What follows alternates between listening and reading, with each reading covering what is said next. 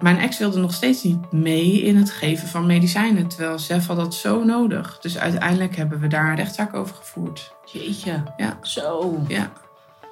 Ja, want dat moet dan. Dat moet. Je mag Om- niet zomaar starten met Nee. medicijnen. Je hebt daar echt toestemming, dan wel vervangende toestemming van de rechter voor nodig.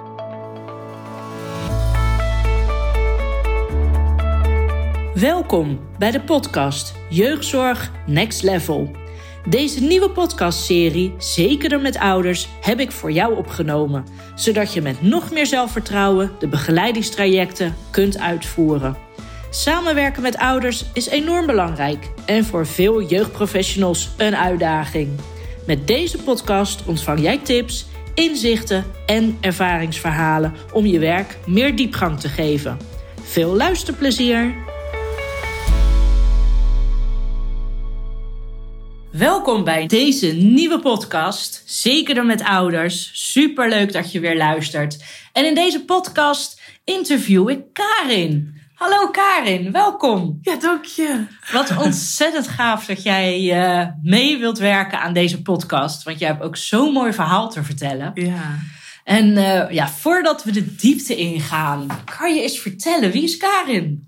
Ja, nou ja, ik ben moeder van twee kinderen, Stefan en Via. En eh, ik ben ondernemer. Ik heb een, eh een medisch pedicurepraktijk. Bezig met drukke nieuwe plannen. En ehm, eh, ik woon samen met Arjan en Sam en Isa. Ze hebben samengesteld gezin. Ehm, Kijk, gezellig. Ja, ja, zeker. Ja. Ja. Nou, wat Ja. goed. Nou, dan, dat klinkt als een druk leven. Nou, dat zeker. Ah, ja, en jij hebt natuurlijk, hè, want daar gaat deze hele podcastserie over. Over eh, de, de ontwikkelingen, maar ook eh, je ervaringen binnen de jeugdhulpverlening. En hoe oud waren jouw kinderen toen jij dacht van... Hmm, misschien moet ik toch wel eens hulp inschakelen? Of hoe ging dat bij jou? Hoe ging dat bij mij? Ehm, nou, ik moet zeggen dat als koppel samen met mijn ex heb ik al hulp gezocht. Toen was Sef twee maanden. Toen ging het tussen ons niet zo lekker. En toen Sef naar de peuterspeelzaal ging, toen kreeg ik al te horen... Hmm, hij kan eigenlijk niet in de kring zitten zonder Dino in zijn handen. Dus we begonnen al een beetje uitzonderingen te maken. En toen zat hij in de kleuterklas en na groep 1 kregen we te horen... Nou, hmm, Sef is een heel leuk, intelligent kereltje. Maar we kunnen hem heel, nog heel goed hebben in de groep. Maar misschien moeten we een keer naar hem laten kijken. Oké. En toen in groep 2 ging het wel. Toen had hij een iets andere juf. Het bleef eigenlijk wel dezelfde boodschap. Van nou, we hoeven nu nog niet naar hem te kijken. Maar we voelen wel dat er misschien een keer... Er gaan een paar dingen wat anders dan anders. En toen zat hij nog op een heel klein dorpsschooltje. En toen, eh, toen eh, eh, was ik ook inmiddels gescheiden van mijn ex. Al lang en breed. En toen leerde ik mijn nieuwe vriend kennen. Toen zijn we naar Leidschendam verhuisd. En daar is Sef in groep 3 begonnen. Nou, toen heb ik al wel gezegd... Er zijn wat dingen. Sef heeft hier en daar een beetje een handleidingje. Als jullie vinden dat we ernaar moeten laten kijken, roep maar. En toen uiteindelijk is Sef in groep 4 onderzocht. En toen bleek hij ADHD te hebben. Oké. Nou, en met Afia ging ongeveer hetzelfde. Dat ze in de kleuterklasse te horen kreeg. Nou ja, het is een heel leuk, eh, gezellig meisje. Maar misschien. en toen op een gegeven moment werd het naar school toe gaan in groep 3 moeilijker. Want ja, in groep 3 gaan ze natuurlijk wat dingen vragen van een kind. En eh, uiteindelijk hebben we er afgelopen jaar na heel lang wachten laten onderzoeken. En toen bleek Afia een autisme spectrumstoornis te hebben. Dus ik heb er twee met een handleiding. Maar thuis nog twee ADHD'ers. Ja! het is een hele verzameling. Een hele gezellige maar dat is het verhaal van mijn, eh, van mijn eh, Ja, precies. kids. Oké, Ja. dus dat werd eigenlijk wel door in het onderwijs ontdekt door de leerkrachten. Ja, ja, ik moet zeggen dat ik het zelf wel... Ik begon thuis met Avia tegen wat dingen aan te lopen. En met Sef ook. Want veel onmacht komt er natuurlijk uit als woede. Dus ik had thuis te maken met woedeaanvallen van allebei. Ja. Ehm, bij Sef eigenlijk pas toen we het al wisten dat hij ADHD heeft. Maar toen hij ouder werd, toen kreeg hij thuis woedeaanvallen. Met name tijdens de lockdowns en schoolwerk en zo. Toen zijn we ook met medicijnen begonnen. Ehm, maar ja, op, op leiding van, op aangeven van school hebben we uiteindelijk bij de kids laten testen. Ja. ja. Ja. En eh, als je dan teruggaat naar die periode, want hoe oud zijn je kinderen nu? Uh, Sef is tien en Avia is acht. Oh, oké. Ja. Nou, dus dat is nog niet zo heel lang geleden. Nee, nee. Maar uh, als je daar naar terugkijkt, hoe ervaarde jij dat toen? Had jij zelf daar ook dat je dacht van ja, nou, ze hebben wel gelijk? Of je Ja. dacht, nou, eigenlijk niet? Nee, ik Of- herkende dat heel Ja. erg. Ja. ja, ja, ja. Het is wel dat dat hele testtraject ging niet zonder hobbels, zeg maar. Want ik zeg wel, we hebben ze laten testen. Mhm. Maar eh, mijn ex die stond daar niet echt achter. Oh, En dat heeft wel voor heel veel complicaties in het hele proces gezorgd, zeg maar. precies. Dus, eh, Want hij moet toestemming geven, toch? ja, je voor- moet als... eh, omdat wij gescheiden waren, want we zijn gescheiden toen ik zwanger was van Avia. Dus Sef was twee jaar... Die was nog geen twee toen we uit elkaar gingen. En ik was zwanger van Avia. Maar ja, wij zijn gescheiden via een mediator. Dan hou je gewoon allebei eh, evenveel gezag. Gezag, ja. Dus bij alle onderzoeken, alle indicaties, alles moet je allebei tekenen, dan wel toestemming geven. En eh, op een gegeven moment, toen Zef dus de diagnose ADHD kreeg, daar was mijn ex het helemaal niet mee eens. Ik herkende heel erg Zef daarin, Mhm. ehm, maar mijn ex niet. Dus dat zorgt dan meteen voor heel veel complicaties. Ja. Ja, En Ja. hoe is dat opgelost? Of niet. niet? Nee. Inmiddels, mijn ex kon zich wel heel erg vinden in het verhaal dat Avia autisme heeft. Dat herkent hij. Sef en Avia hebben ook een oudere halfbroer met autisme. Die heeft Asperger. Eh, dus dat verhaal kon hij in meegaan. Maar eigenlijk nog steeds accepteert hij niet dat Sef ADHD heeft. Nee. Nee. Dus dat, dat maakt het wel heel complex. Want dat zorgde er dus ook heel concreet voor dat toen ik en de school stonden te springen om Sef medicijnen te geven. Omdat Sef echt op het punt zat dat hij zei: Mama, ik wil niet meer leven Hmm. dat eh, mijn ex wilde nog steeds niet mee in het geven van medicijnen. Terwijl Sef had dat zo nodig. Dus uiteindelijk hebben we daar een rechtszaak over gevoerd. Jeetje. Ja. Zo. Ja. Ja, want dat moet dan. Dat moet. Je mag Om- niet zomaar starten met Nee. medicijnen. Je hebt daar echt toestemming, dan wel vervangende toestemming van de rechter voor nodig. Ja. Ja. Jeetje, Dus ik heb het altijd wel-. Ik wilde dat ook niet achter zijn rug omdoen. Ik, Nee. ik ben wel van de fair game. Dus ehm, ja, ik wilde dat ook niet gewoon achter zijn rug omdoen. Nee, en nee, want. Sef verspreekt zich een keer. Dat wilde ik gewoon absoluut niet. Nee, precies. Nee. gewoon eh, open kaart spelen. En, Ja. eh, Nou, en dan maar via een rechter. ja, precies. Ja. En, en, eh, dus de hele procedure is toen in gang gezet. Ja. De, de behandeling is er gekomen. Ja. Hoe kijk jij terug op die periode? Want je komt gewoon in een hele nieuwe wereld terecht, neem ik aan, hè? Als, als moeder zijnde. Met eh, de wereld van ADHD, de wereld Ja. van eh, wel geen medicatie, eh, Ja. wel geen begeleiding. Hoe heb jij dat ervaren, dat hele proces, als je nu terugkijkt? Nou, intens. Ja, ook natuurlijk omdat wij complicerende factoren hadden, zeg maar. Ja, Omdat het niet helemaal straightforward ging. En dat het ook wel heel bizar is dat je merkt thuis dat je kind wat drukker is dan een ander. Dat je hier en daar je aanpast. Maar als moeder pas je je gaandeweg aan. Elke week doe je een stapje. En als op een gegeven moment dan toch school gaat zeggen... ja, je hebt een heel leuk kind... maar er is wel iets meer aan de hand dan gewoon een beetje druk. Hmm. Dat is pijnlijk. ja. En ik moet zeggen dat op een gegeven moment ging het ook wel rap. Voor veel mensen, we associëren ADHD erg met, oh dan ben je aan, aan de Ritalin, aan medicijnen. Ehm, ik was daar helemaal niet. En ik, sterker nog, eigenlijk wilde ik dat zelf ook helemaal niet. Ik wilde dat voorkomen. Ik ben erg, nou, ik heb zelf wat kwalen waar ik ook graag alternatieve hulp voor zoek. Dus dat had ik eigenlijk voor zelf ook in gedachten. Ja. Totdat we dus merkten dat het heel snel ineens met Sef minder ging. En ze op school ook aangaven, joh, we denken dat het tijd is dat Sef aan medicijnen gaat beginnen. En die boodschap, die kwam zo hard binnen. Ik was daar echt nog helemaal niet. Ik was echt eigenlijk nog... Ik had niet door dat het op school zo slecht ging. Nee. Dat hebben ze me ook niet helemaal goed duidelijk gemaakt op dat moment. Daar had school wat in kunnen doen, denk ik.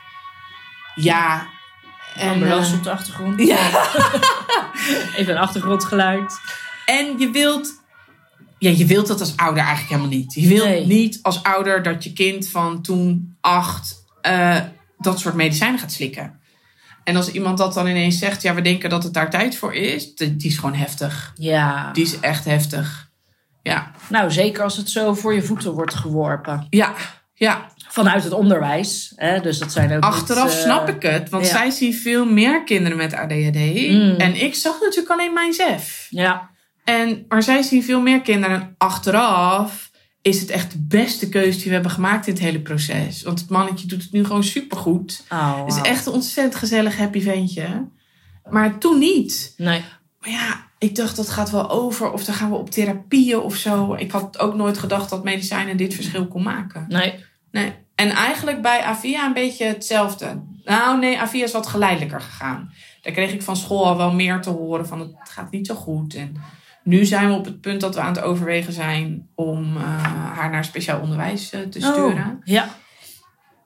Omdat het in de klas niet gaat. En eh, zowel leertechnisch heeft ze wat andere dingen nodig als van de kinderen in de klas. Ja. Ja, ja, ja. Ja. Oké. Ja, Ja. dat zijn wel eventjes, ja, hoe zeg je dat? Momenten dat eh, de tijd even stilstaat, lijkt Ja. mij. En dat je denkt van, ja, waar doe je goed aan? Welke beslissing maak je? ja. Dat je ook op hebt te vertrouwen op de deskundigen hè, die, er, die er zijn. Nou, precies. Ja. Want eh, werd jij verder eh, getraind? Kreeg jij uitleg over hoe ADHD dan werkt? Of hoe autisme werkt bij Ja. deze kinderen? Heb Nee. jij dat ontvangen? nee, helemaal helemaal, niet. Nee. Oké. Nee. Eh, We zijn toen met Sef ehm, eh, naar een instantie gegaan en die, we kregen te horen dat die eh, psychosociale begeleiding zou geven en eh, medicijnen zou geven. Mhm. Maar in die tijd heb ik dus ook. ehm, nou, doordat, het in, doordat mijn ex dus niet mee wilde in het hele. in de therapie en medicijnen instellen bij ZEF. heb ik op een gegeven moment. na heel veel wat al gebeurd was. veilig thuis gebeld van help, ik weet niet meer wat ik moet. En het gaat nu met mijn kind niet goed, omdat mijn ex niet meetekent. Ja. Uh, want vanuit school we hadden toen een MDO en dat was wel heel fijn. Daarin heeft de betrokken psycholoog bij het MDO van school uitgelegd waarom die medicijnen voor SEF zo belangrijk waren. Mm. Dat was voor mij Dat- heel verhelderend. Ja, dat kan ik me Want kijk dat de juf het bij de deur zegt, daar sta, nou ik kwam echt huilend thuis toen. Ja. Maar in zo'n MDO, als een psycholoog uitlegt van... joh, als we nu niet met medicijnen gaan starten... dan wordt hij echt depressief. Dat was veel duidelijker. Misschien nog wel heftiger, maar ook Mm. duidelijker. Zijn om de tijd om dat even uit te leggen. Nou, mijn ex wilde toen nog steeds niet aan medicijnen mee. En ik wilde daar wel met hem over in gesprek, maar dat lukte niet. Ik wist ook, die gesprekken tussen ons alleen, dat gaat hem echt niet worden. En ehm, dus ik had in de tussentijd met Veilig Thuis gebeld en die had voor ons jeugdformaat ingeschakeld. Eh, ik was in diezelfde tijd ook een rechtszaak begonnen, want Sef moest die medicijnen gaan slikken. Ja. Dus dat liep allemaal langs elkaar. Allemaal tegelijkertijd. Ja, en op een gegeven moment resulteerde dat er dus in dat Sef voor zijn medicijnen bij een instelling zat. En dat ging heel goed. In het medicijngebruik zijn we goed in ge- geholpen. Zij het wel dat die mevrouw zo overtuigd was van het effect van de medicijnen dat ze eigenlijk alle andere ideeën van tafel veegde. Snap ik, was achteraf ook heel goed. Ja. Maar dat was wel, dat was wel een dingetje voor, voor mij Ja. ik moest echt zelf ook nog wel even over de hobbel. Ondanks dat ik zelfs een rechtszaak was begonnen. Want toch, je denkt toch, ja jeetje. Ben ik een rechtszaak begonnen, straks doen die pillen niks. Of straks werkt het niet bij je, weet je wel. Dus dat, dat was een hele gekke, hele gekke tijd. Ah, ja. En toen zouden we dus vanuit die instelling... zouden we ook begeleiding krijgen... psycho-educatie over SEF en ADHD. SEF had dat wel al een heel stuk gehad... bij de instelling die hem had gediagnosticeerd. Oké. Dat was voor SEF heel fijn. Ja. En school heeft toen door, door die MDO's een stukje, het stokje overgenomen door interne begeleiding. Maar eigenlijk had ik nog helemaal geen voorlichting gehad. Nou, dat zouden we dus krijgen bij de instelling waar die op medicijnen werden ingesteld. Maar het was coronatijd. Oh, ja. en dat deden ze in eh, groepen. Ja, die groepen konden natuurlijk niet doorgaan. Nee. Eh, plus, ik zat eh, eh, in een rechtszaak met mijn ex. En we waren net gestart bij jeugdformaat. Dus Sef had al ongeveer op drie plekken begeleiding. Ik niet. Maar ik was zo druk met Sef dat ze hebben toen wel aangeboden om mij één op één te begeleiden. Ik geloof dat ik toen afgewezen heb, omdat jeugdformaat begon ook bij ons thuis te komen. En jeugdformaat heeft toen degene die ons begeleidde vanuit jeugdformaat, wij kregen een soort gezinsbegeleiding, zeg maar. Iemand Ja. die eigenlijk op indicatie voor SEF kwam. Maar toen ook wat is ingesprongen tussen mij en mijn ex. En eh, zij is ook gesprekken één op één met SEF aangegaan. En dat werkte voor SEF heel goed. Ehm, dus die gesprekken in combinatie met de medicijnen heeft Sef heel goed gedaan. Ja, ja. Ik heb echt wel een stukje begeleiding gemist. Ja, ik wou Ja. net zeggen, want waar ben jij in dit geheel eh, geweest, gebleven? Ja, ik ging zelf boeken lezen. En nog moet ik je wel eens toegeven dat ik weet inmiddels hoe mijn kind werkt. ADHD heb ik eigenlijk nog maar weinig kaas van gegeten, denk Mm. ik. Ik denk dat dat dus veel beter zou kunnen. Want wat Ja. ik dus wat ik merk dat ik niet goed begrijp altijd, zijn de grote processen achter ADHD. Dus ik weet heel goed hoe het bij Sef werkt. Ik weet ook hoe het bij mijn vriend werkt en bij zijn zoon werkt. Ja. Dus ik ken wel drie, ik ken drie goede voorbeelden Je van het. ADHD. Ik herken het inmiddels. Maar soms dan legt mijn vriend iets uit van hoe dat dan werkt in zijn hoofd. Dat ik denk, oh, maar dat snap ik eigenlijk helemaal niet. Dus ik heb daarin echt wel een stukje begeleiding gemist. ja. En nou, ik hoop dat dat straks bij Avia, nou, die we natuurlijk aangemeld bij Happy Kids Care, dat dat beter gaat. Want ik merk wel dat je als ouder heb je dat wel heel erg nodig om te snappen wat er allemaal gebeurt. Ja, precies. Ja. Nou, dat zeg je mooi. Dat je wil snappen wat er gebeurt. Dat Ja. het waarom doet een kind wat hij doet. Ja, Dat dat het stukje is wat belangrijk is. Ja, nou wat ik ook inderdaad zei rondom de aanmelding van Avia. Van, geef mij de handleiding. Ja. Leer me de handleiding van mijn kind kennen. En dan, dan snap ik het allemaal wel. Ik bedoel, dat, dat is bij mij niet het probleem. Nee, Maar dat, je hebt de handleiding nodig van wat er aan de hand is. precies. Ja. ja. Ja, Hey, en ehm, ehm, nou ja, jij, jij hebt gewoon heel veel zelf uitgezocht. Ja. Hè, wat je zegt, je bent zelf overal achteraan gegaan. En als jij nu terugkijkt, wat, wat zou jij de begeleiders terug willen geven? Die, jij, eh, die bij jou zijn gekomen. Wat had, jij, wat had je het liefst gewild dat ze deden? nou, ik denk dat het al wel eens eerder begint. Ik denk dat als ik kijk naar hoe de hulp rondom ZEF is gegaan. Het is zo'n oerwoud. Hmm. En wil je echt goede begeleiding, moet je zelf gaan zoeken. Ja. En het was dat wij dus, want Sef is. En wist je dan waar je naar zocht? nee, Nee, dat lijkt me ook je zo weet lastig. niet waar je naar zoekt. Nee. En een website zegt ook niet alles. Nee. Ik weet ook niet zo goed hoe, ik dat zou, hoe je dat zou moeten verbeteren hoor, want daar heb ik geen oplossing voor. Nee. Maar wel dat, nou zelfs school die heeft een sociale kaart, maar gebaseerd op eigen ervaringen en wat soms bij hun of zelfs heel persoonlijk bij de IB'er past. Ja. Maar dat hoeft niet bij jou te passen. En ik ben dan zo'n truttebel. Ik wil, of dat is geen truttebel denk ik, maar Nee. ik wil hulp die bij mij past. Ja. En uiteindelijk is dat nog best wel heel moeilijk om te vinden. Ja. Ja, Ook omdat je nog niet duidelijk weet waar je naar zoekt. nee. denk ik. Nee, en de pest is dat het is ook allemaal zo gefragmenteerd. Ja. Sef is gediagnosticeerd bij Vernier. Die kunnen wel begeleiding geven bij ADHD, maar niet instellen op medicijnen. Nou, dan ga je naar Pietje Bel. Pietje Bel kan goed instellen op medicijnen.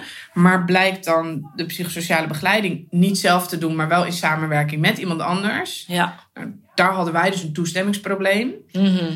Dus het is allemaal heel versnipperd. En Ja. wat ik eerder vertelde, toen ik veilig thuis belde van help.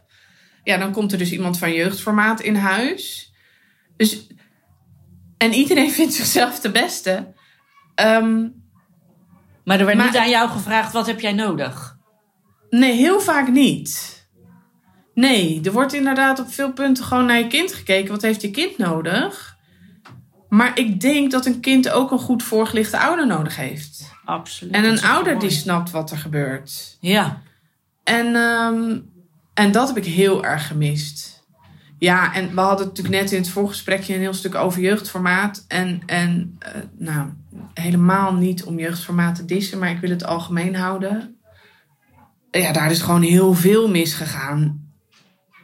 Omdat je te maken hebt met een ouderpaar wat niet op één lijn ligt. En ik snap dat dat voor een hulpverlener echt heel verwarrend is. En Mm. heel erg ingewikkeld is. Al denk ik dat ik en mijn ex daarin niet de enige waren. Dat gebeurt veel vaker. En ook zelfs als mensen nog wel met elkaar getrouwd zijn. Maar dat is voor hulpverleners iets wat ontiegelijk ingewikkeld is. En wat ze gewoon het liefst van tafel vegen en niet naar kijken. Hmm, waar merkte jij dat aan? Nou, bijvoorbeeld inderdaad tijdens de medicatiebegeleiding van ZEF. Nou hebben ze daar wel steeds mijn ex, als er wat nieuws afgesproken was, wel een mailtje gestuurd. Dat vond ik wel heel goed. Maar je merkt dat soms kiezen ze ervoor om één ouder wel en één ouder niet te geloven. Dat gebeurt heel vaak. Mm. Nou, en in mijn geval, in ons geval, was het heel erg nodig dat ze mij zouden geloven. Ja, tuurlijk. Omdat mijn ex niet altijd de keuzes maakt die goed zijn voor de kinderen. Maar ja, dat weet ik. Hmm. En ik had het dus nodig dat ze mij geloofden. Maar ik snap ook dat je niet zomaar de kant van één ouder kiest. Dus wat in al onze hulpverleningstrajecten gebeurde, is dat voordat je echt tot hulpverlenen komt en tot de kern komt en snapt wat er aan de hand is, heeft een ontzettend lange aanloopperiode. Want ik ga niet meteen op tafel gooien, joh, mijn ex die dwarsboomt een heleboel. Nee. Ehm, dus ik ga heel langzaam mijn verhaal vertellen, want ik wil dat jij me gelooft. Ja. Dus de hele aanloopperiode is heel lang. En dan zijn er denk ik veel te weinig hulpverleners die vertrouwen op hun onderbuik en denken: oh, maar hier is meer aan de hand. Hmm. Niemand durft het ook te benoemen. Niemand durft openlijk een kant te kiezen. En dat is soms extreem pijnlijk. En dat is dus ook heel erg misgegaan. Ja. Want als je dan.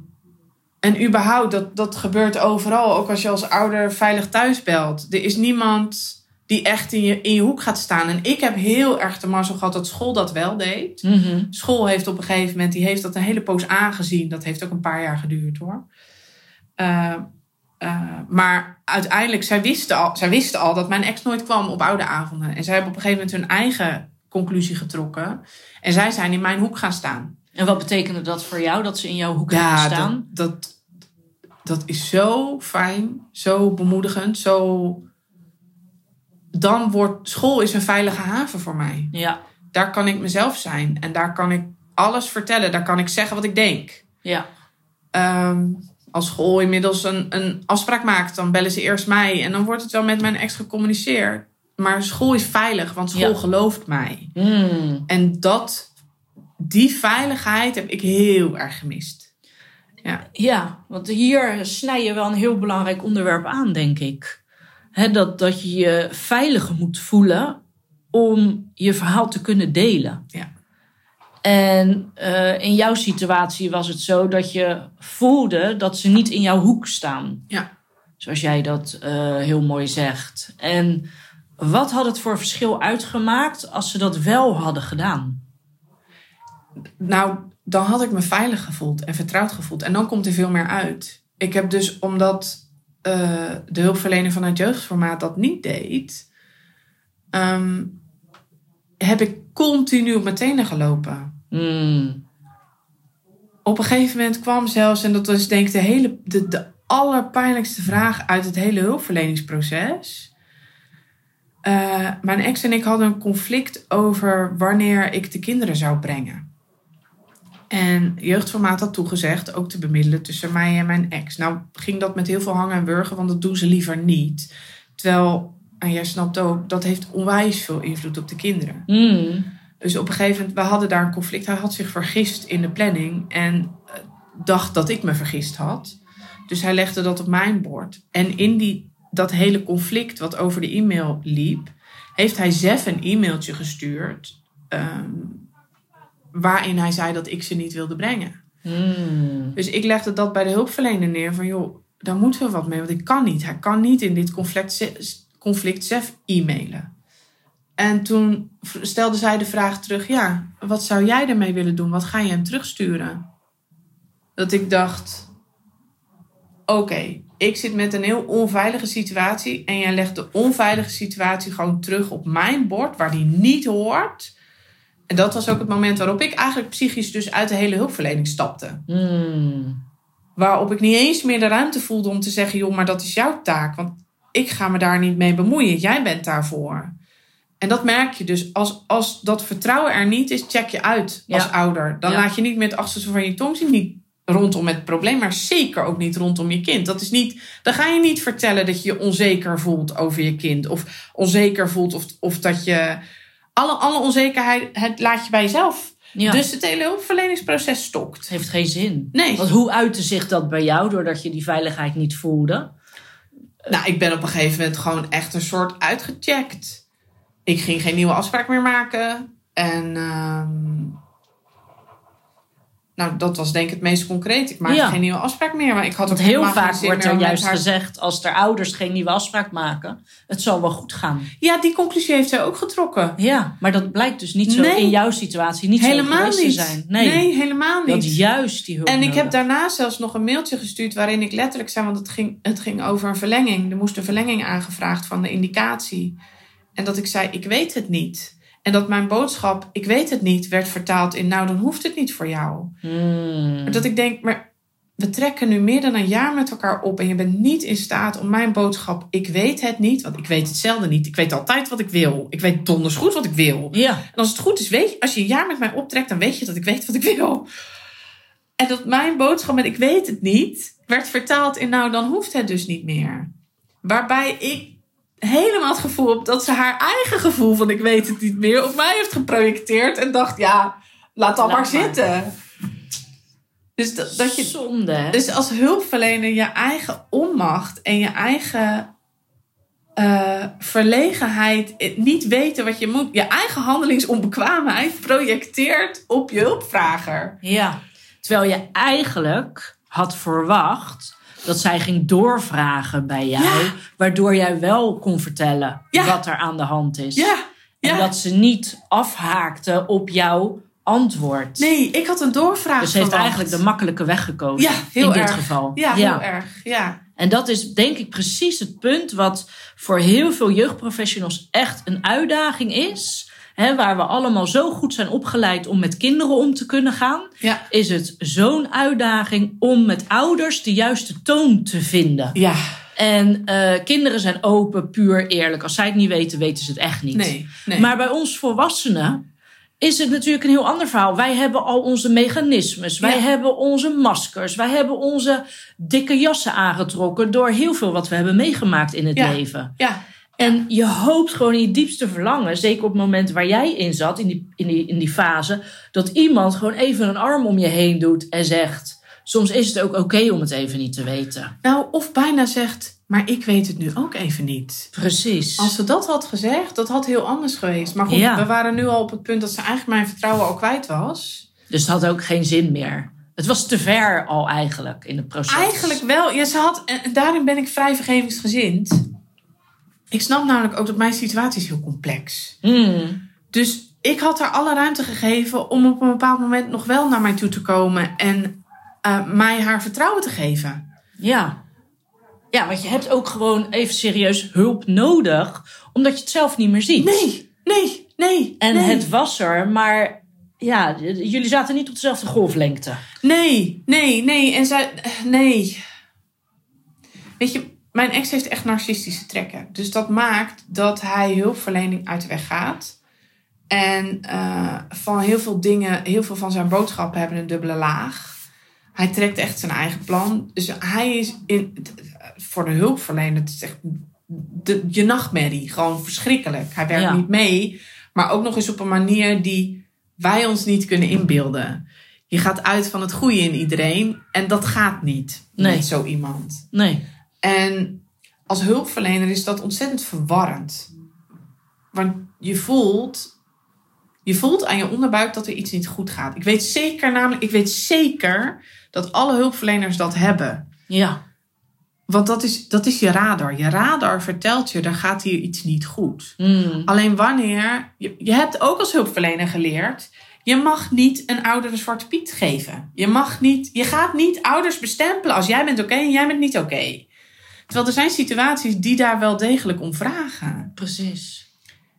En En die jou ook heel erg hadden geholpen in de situatie waar je in zat. ja, Om weer stappen te kunnen zetten. ja. En dat kan je niet alleen. nee, nee, nee. En de enige die ik. We hebben ooit ehm, in het. eh, toen was Sef nog heel klein en toen ging de hulpverlening ook puur en alleen over de omgang tussen mijn ex en mij. Mhm. ook wel, en dat vind ik ook op indicatie van Zef. Ik vind dat soms pijnlijk. Dat het feit dat je problemen hebt met je ex, moet dan op indicatie van een kind. Mm. Dat kind is wel slachtoffer, maar dat kind is niet het probleem. Maar Nee. dat, zo werkt het nou eenmaal in de indicatie- en hulpverleningsland. Ehm, en wij hebben ooit daar in Gouda een hulpverlener gehad. Ik heb stiekem die man nog steeds in mijn telefoon staan. Ik zou hem nooit meer bellen. Maar die had in de TBS gewerkt. Oké. En die wist daardoor, die was gewend om om te gaan met mensen bij wie daadwerkelijk iets kapot is. Dus waar je al niet meer als met, zeg maar, normale ouders iedereen full credit geeft. Mm. Hij ging ervan uit dat er iets kapot was. En zo ging hij ook reageren. Nou, die man was echt goud waard. De ellende was dat dat hele proces was vrijwillig. En op een gegeven moment haakte mijn ex gewoon af. Ja. Dus dat stopte daardoor. Terwijl het werkte.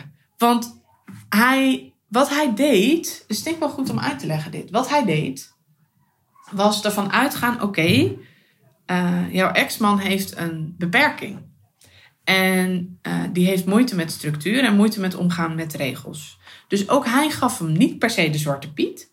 Maar hij gaf mij het vertrouwen, Karin. Ik snap helemaal waar jij tegenaan botst. En we gaan een manier vinden om hieromheen te werken.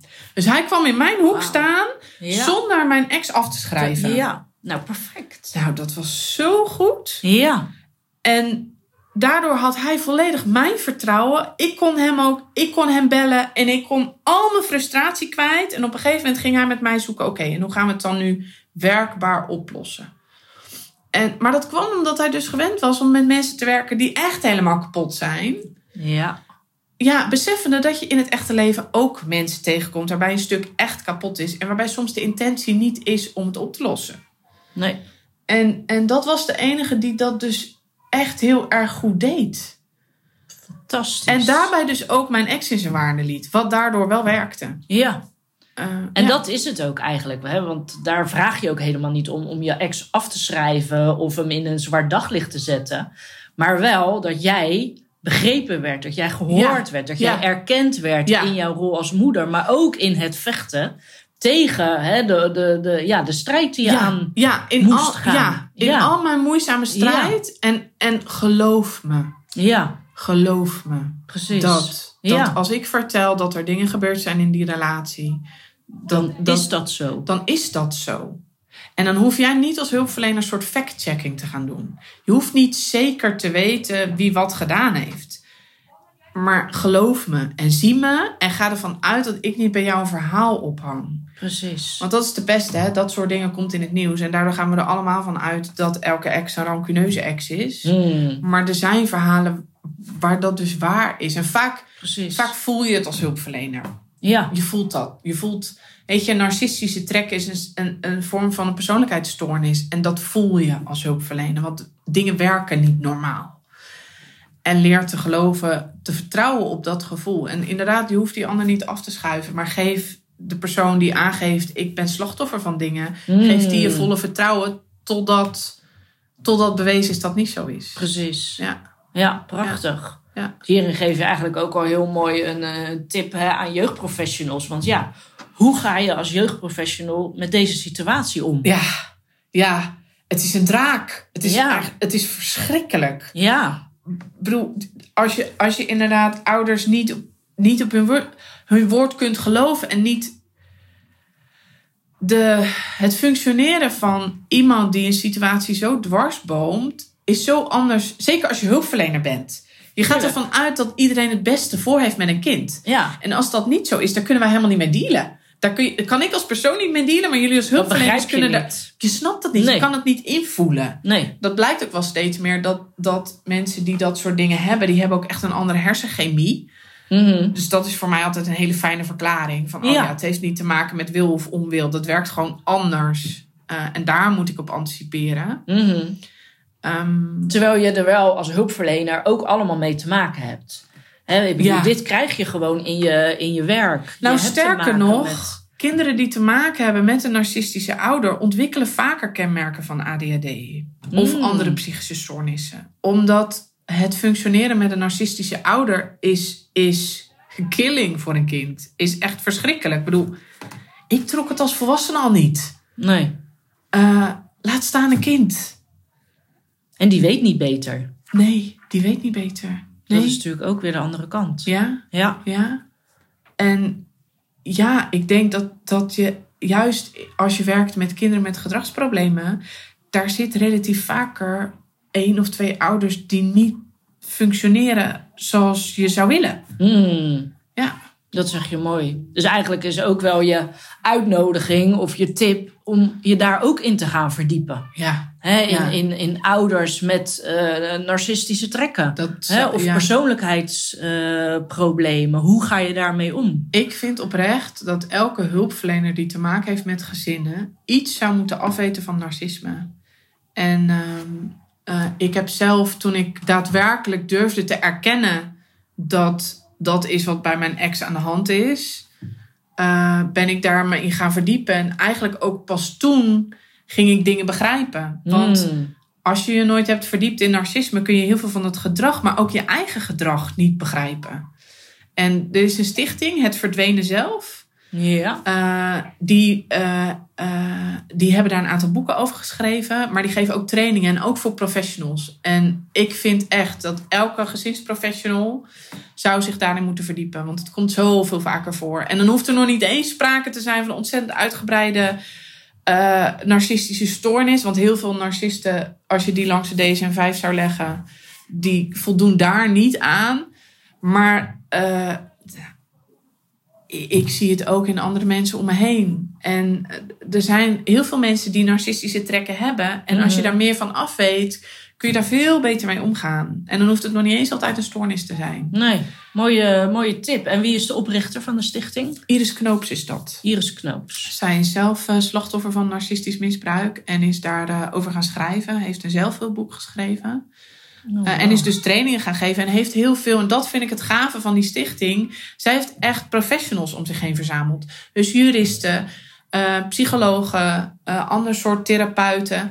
Maar allemaal mensen die dus professional zijn en zelf ervaring hebben met narcistisch misbruik. Nou, zij heeft zo'n mooie stichting opgezet. Ja, oh, wat Ja. een goede tip. Ja, Nou, het is verdwenen zelf mooie. heet het. Ja, echt, echt geweldig. Ja, dankjewel. Ja. Jeetje, wat een verhaal daarin. Ja, en dan weet je eigenlijk nog maar En dan is, stukje. ja, inderdaad. Eventjes eh, je leven van de afgelopen eh, tien jaar eh, Ja. samengevat in Nou. nou, nog geen drie kwartier. Ja. Ja. Maar eh, ja, je hebt wel aardig wat voor je kiezen gehad. En eh, nou, hè, deze podcast is ook echt voor de jeugdprofessionals om ja, hun ook inzichten te geven. En ja, daar wil ik je wel voor bedanken, want dat heb je wel gedaan. Je bent heel open en heel eerlijk. En ik Ja. denk dat je hè, als luisteraar hier wel goede ide- ideeën uit kunt halen. En ja, vooral Ja. ook eh, de inzichten kan krijgen van ja, wat gebeurt er nu eigenlijk? En wat zou mijn positie kunnen zijn in zo'n situatie? Ja. En hoe zou Ja. ik daarmee om kunnen gaan? Ja. Maar ook ja, geef je heel mooi aan waar jij zelf de behoefte aan hebt. En dat is eigenlijk dat iemand jou gehoord voelt, dat je je gezien voelt, dat iemand jou begrijpt. Ja. En dat zijn natuurlijk hele containerbegrippen. Maar het is ook een gevoel die je Ja. Nou, en wilt ik, hebben. ik bedenk me nog een tip. Want ik zou ook iedereen, als je als hulpverlener in zo'n situatie zit, eh word je vrij snel ook zelf gemanipuleerd. Mm. En dat gebeurt eigenlijk zonder dat je het doorhebt. En wat heel erg helpend is, is om als je zo'n situatie hebt waar je een onderbuikgevoel hebt, om dat te bespreken met een medeprofessional. Want in het spiegelen, die ander zit totaal niet in de situatie. En die kan jou al heel snel teruggeven naar wat je nu aan het doen bent. Dat, dat is, heb je niet helemaal zelf bedacht. Je, je zit, want vaak word je ongemerkt al heel snel gemanipuleerd en meegenomen in het hele verhaal. En dan helpt Mm. spiegelen naar een ander heel erg. Ja, Want die kan jou vaak je onderbuikgevoel, eh, eh, ehm, hoe zeg je dat? Bevestigen. Bevestigen, dat woord zocht ik. Eh, maar je ook teruggeven waar je zelf al meegenomen wordt in de hele situatie. precies. En juist dat contact met een buitenstaander is in een eh, situatie waar narcisme een rol speelt heel belangrijk. Mm. Want je verdwijnt er zelf in. Ook Ja. als hulpverlener. ja, Ja. zeker. Dus Ja. dat is goed om je daar bewust van te zijn. Ja, En inderdaad dit ook mee te nemen in je intervisie of supervisie of je casuïstiek. ja. Durven te benoemen. als je zo'n onderbuikgevoel hebt, bespreek het alsjeblieft. Ja, ja, Ja, ja. hele mooie tip. ja. Jeetje, hey, en eh, nu ben je hier, je kinderen zijn acht en, Ja. en tien. Ja. Het is toch ongelooflijk wat voor weg je aan het afleggen bent. Je hebt zelf Nou. eh, je plek als ondernemer eh, gevonden met je eigen grote pedicurepraktijk in Rotterdam. Hè? Ja, precies. Dat is toch knap? Dat je zo voor jezelf, ondanks dat de situatie echt niet makkelijk is geweest. Nou, Ja. eh, dat druk ik heel zacht uit. het is verschrikkelijk geweest. Ik denk een nachtmerrie. Je hebt nu je gezin ja, gevonden, een, een partner. Je, je bent aan het bouwen aan je eigen imperium. ja, Hoe knap. ja. Ben je dan niet mega trots op jezelf? Dat je denkt, wauw. Ja, nou best wel. Ja. Ja, best wel. Vooral als we dan zo het verhaal terughalen. En ik denk hoe ik me toen voelde en toen ik er toen in stond. Ja, ja. ik heb ook veel meer geleerd om mezelf te vertrouwen. Ja, ja. Precies, want ik wou net vragen. Hè? Ik was al aan het afronden, maar er komt ineens een vraag bij me op. Dat ik denk, hoe ben jij zo in die situaties eh, met die situaties omgegaan? Hè? Want zoals ik jou nu zie, ben je zo'n sterke, sprankelende vrouw. Eh, nou, het idee dat je alles onder controle hebt. En Ja, daar heb je ook je, je stappen in gezet. ja, ja, ja het, het bergen en bergen therapie. Ja, Want uit zo'n situatie kom je niet zonder hulp van een ander. Daar kun je je niet zelf aan ontworstelen. nee. Nee, nee. En ik heb, ik heb dus heel veel hulp gehad van de Stichting Verdwenen Zelf. Ehm, omdat ik daar erkenning vond van wat er aan de hand was. Ja, Ja, ja, ja, Goed hoor. ja. Ook blijven werken aan jezelf. Ja, ja, want hier kom je niet zelf uit. Nee, Nee, hier nee, kom je niet nee. zelf uit. Nee. Ah, prachtig. Ja. Ja. Nou, Karin, ik wil je heel erg bedanken voor het delen van je verhaal. ja, nou heel graag gedaan. Heel graag gedaan. Ik hoop dat, eh, dat we er een hoop professionals mee helpen. Ja, en dat een hoop, hoop hoop gezinnen uiteindelijk. Ja, inderdaad, uiteindelijk wel. Ja. Nou, luisteraars, dit is het einde van deze podcastaflevering. Ik hoop dat je daar voor jezelf weer mooie inzichten uit hebt gehaald. En wil je meer informatie, dan weet je ons te bereiken. Dit is alweer het einde van deze podcast. Ben jij geïnspireerd geraakt en wil je ook groeien naar jouw next level? Kijk dan eens op de website www.hkcacademy.nl voor meer informatie over trainingen, events en de laatste nieuwtjes. Je kunt mij ook volgen via de socials, het HKC Academy, voor leuke tips en ideeën, zodat jij je klanten naar de next level kunt begeleiden. Ik zie je snel bij een training, event of via de socials.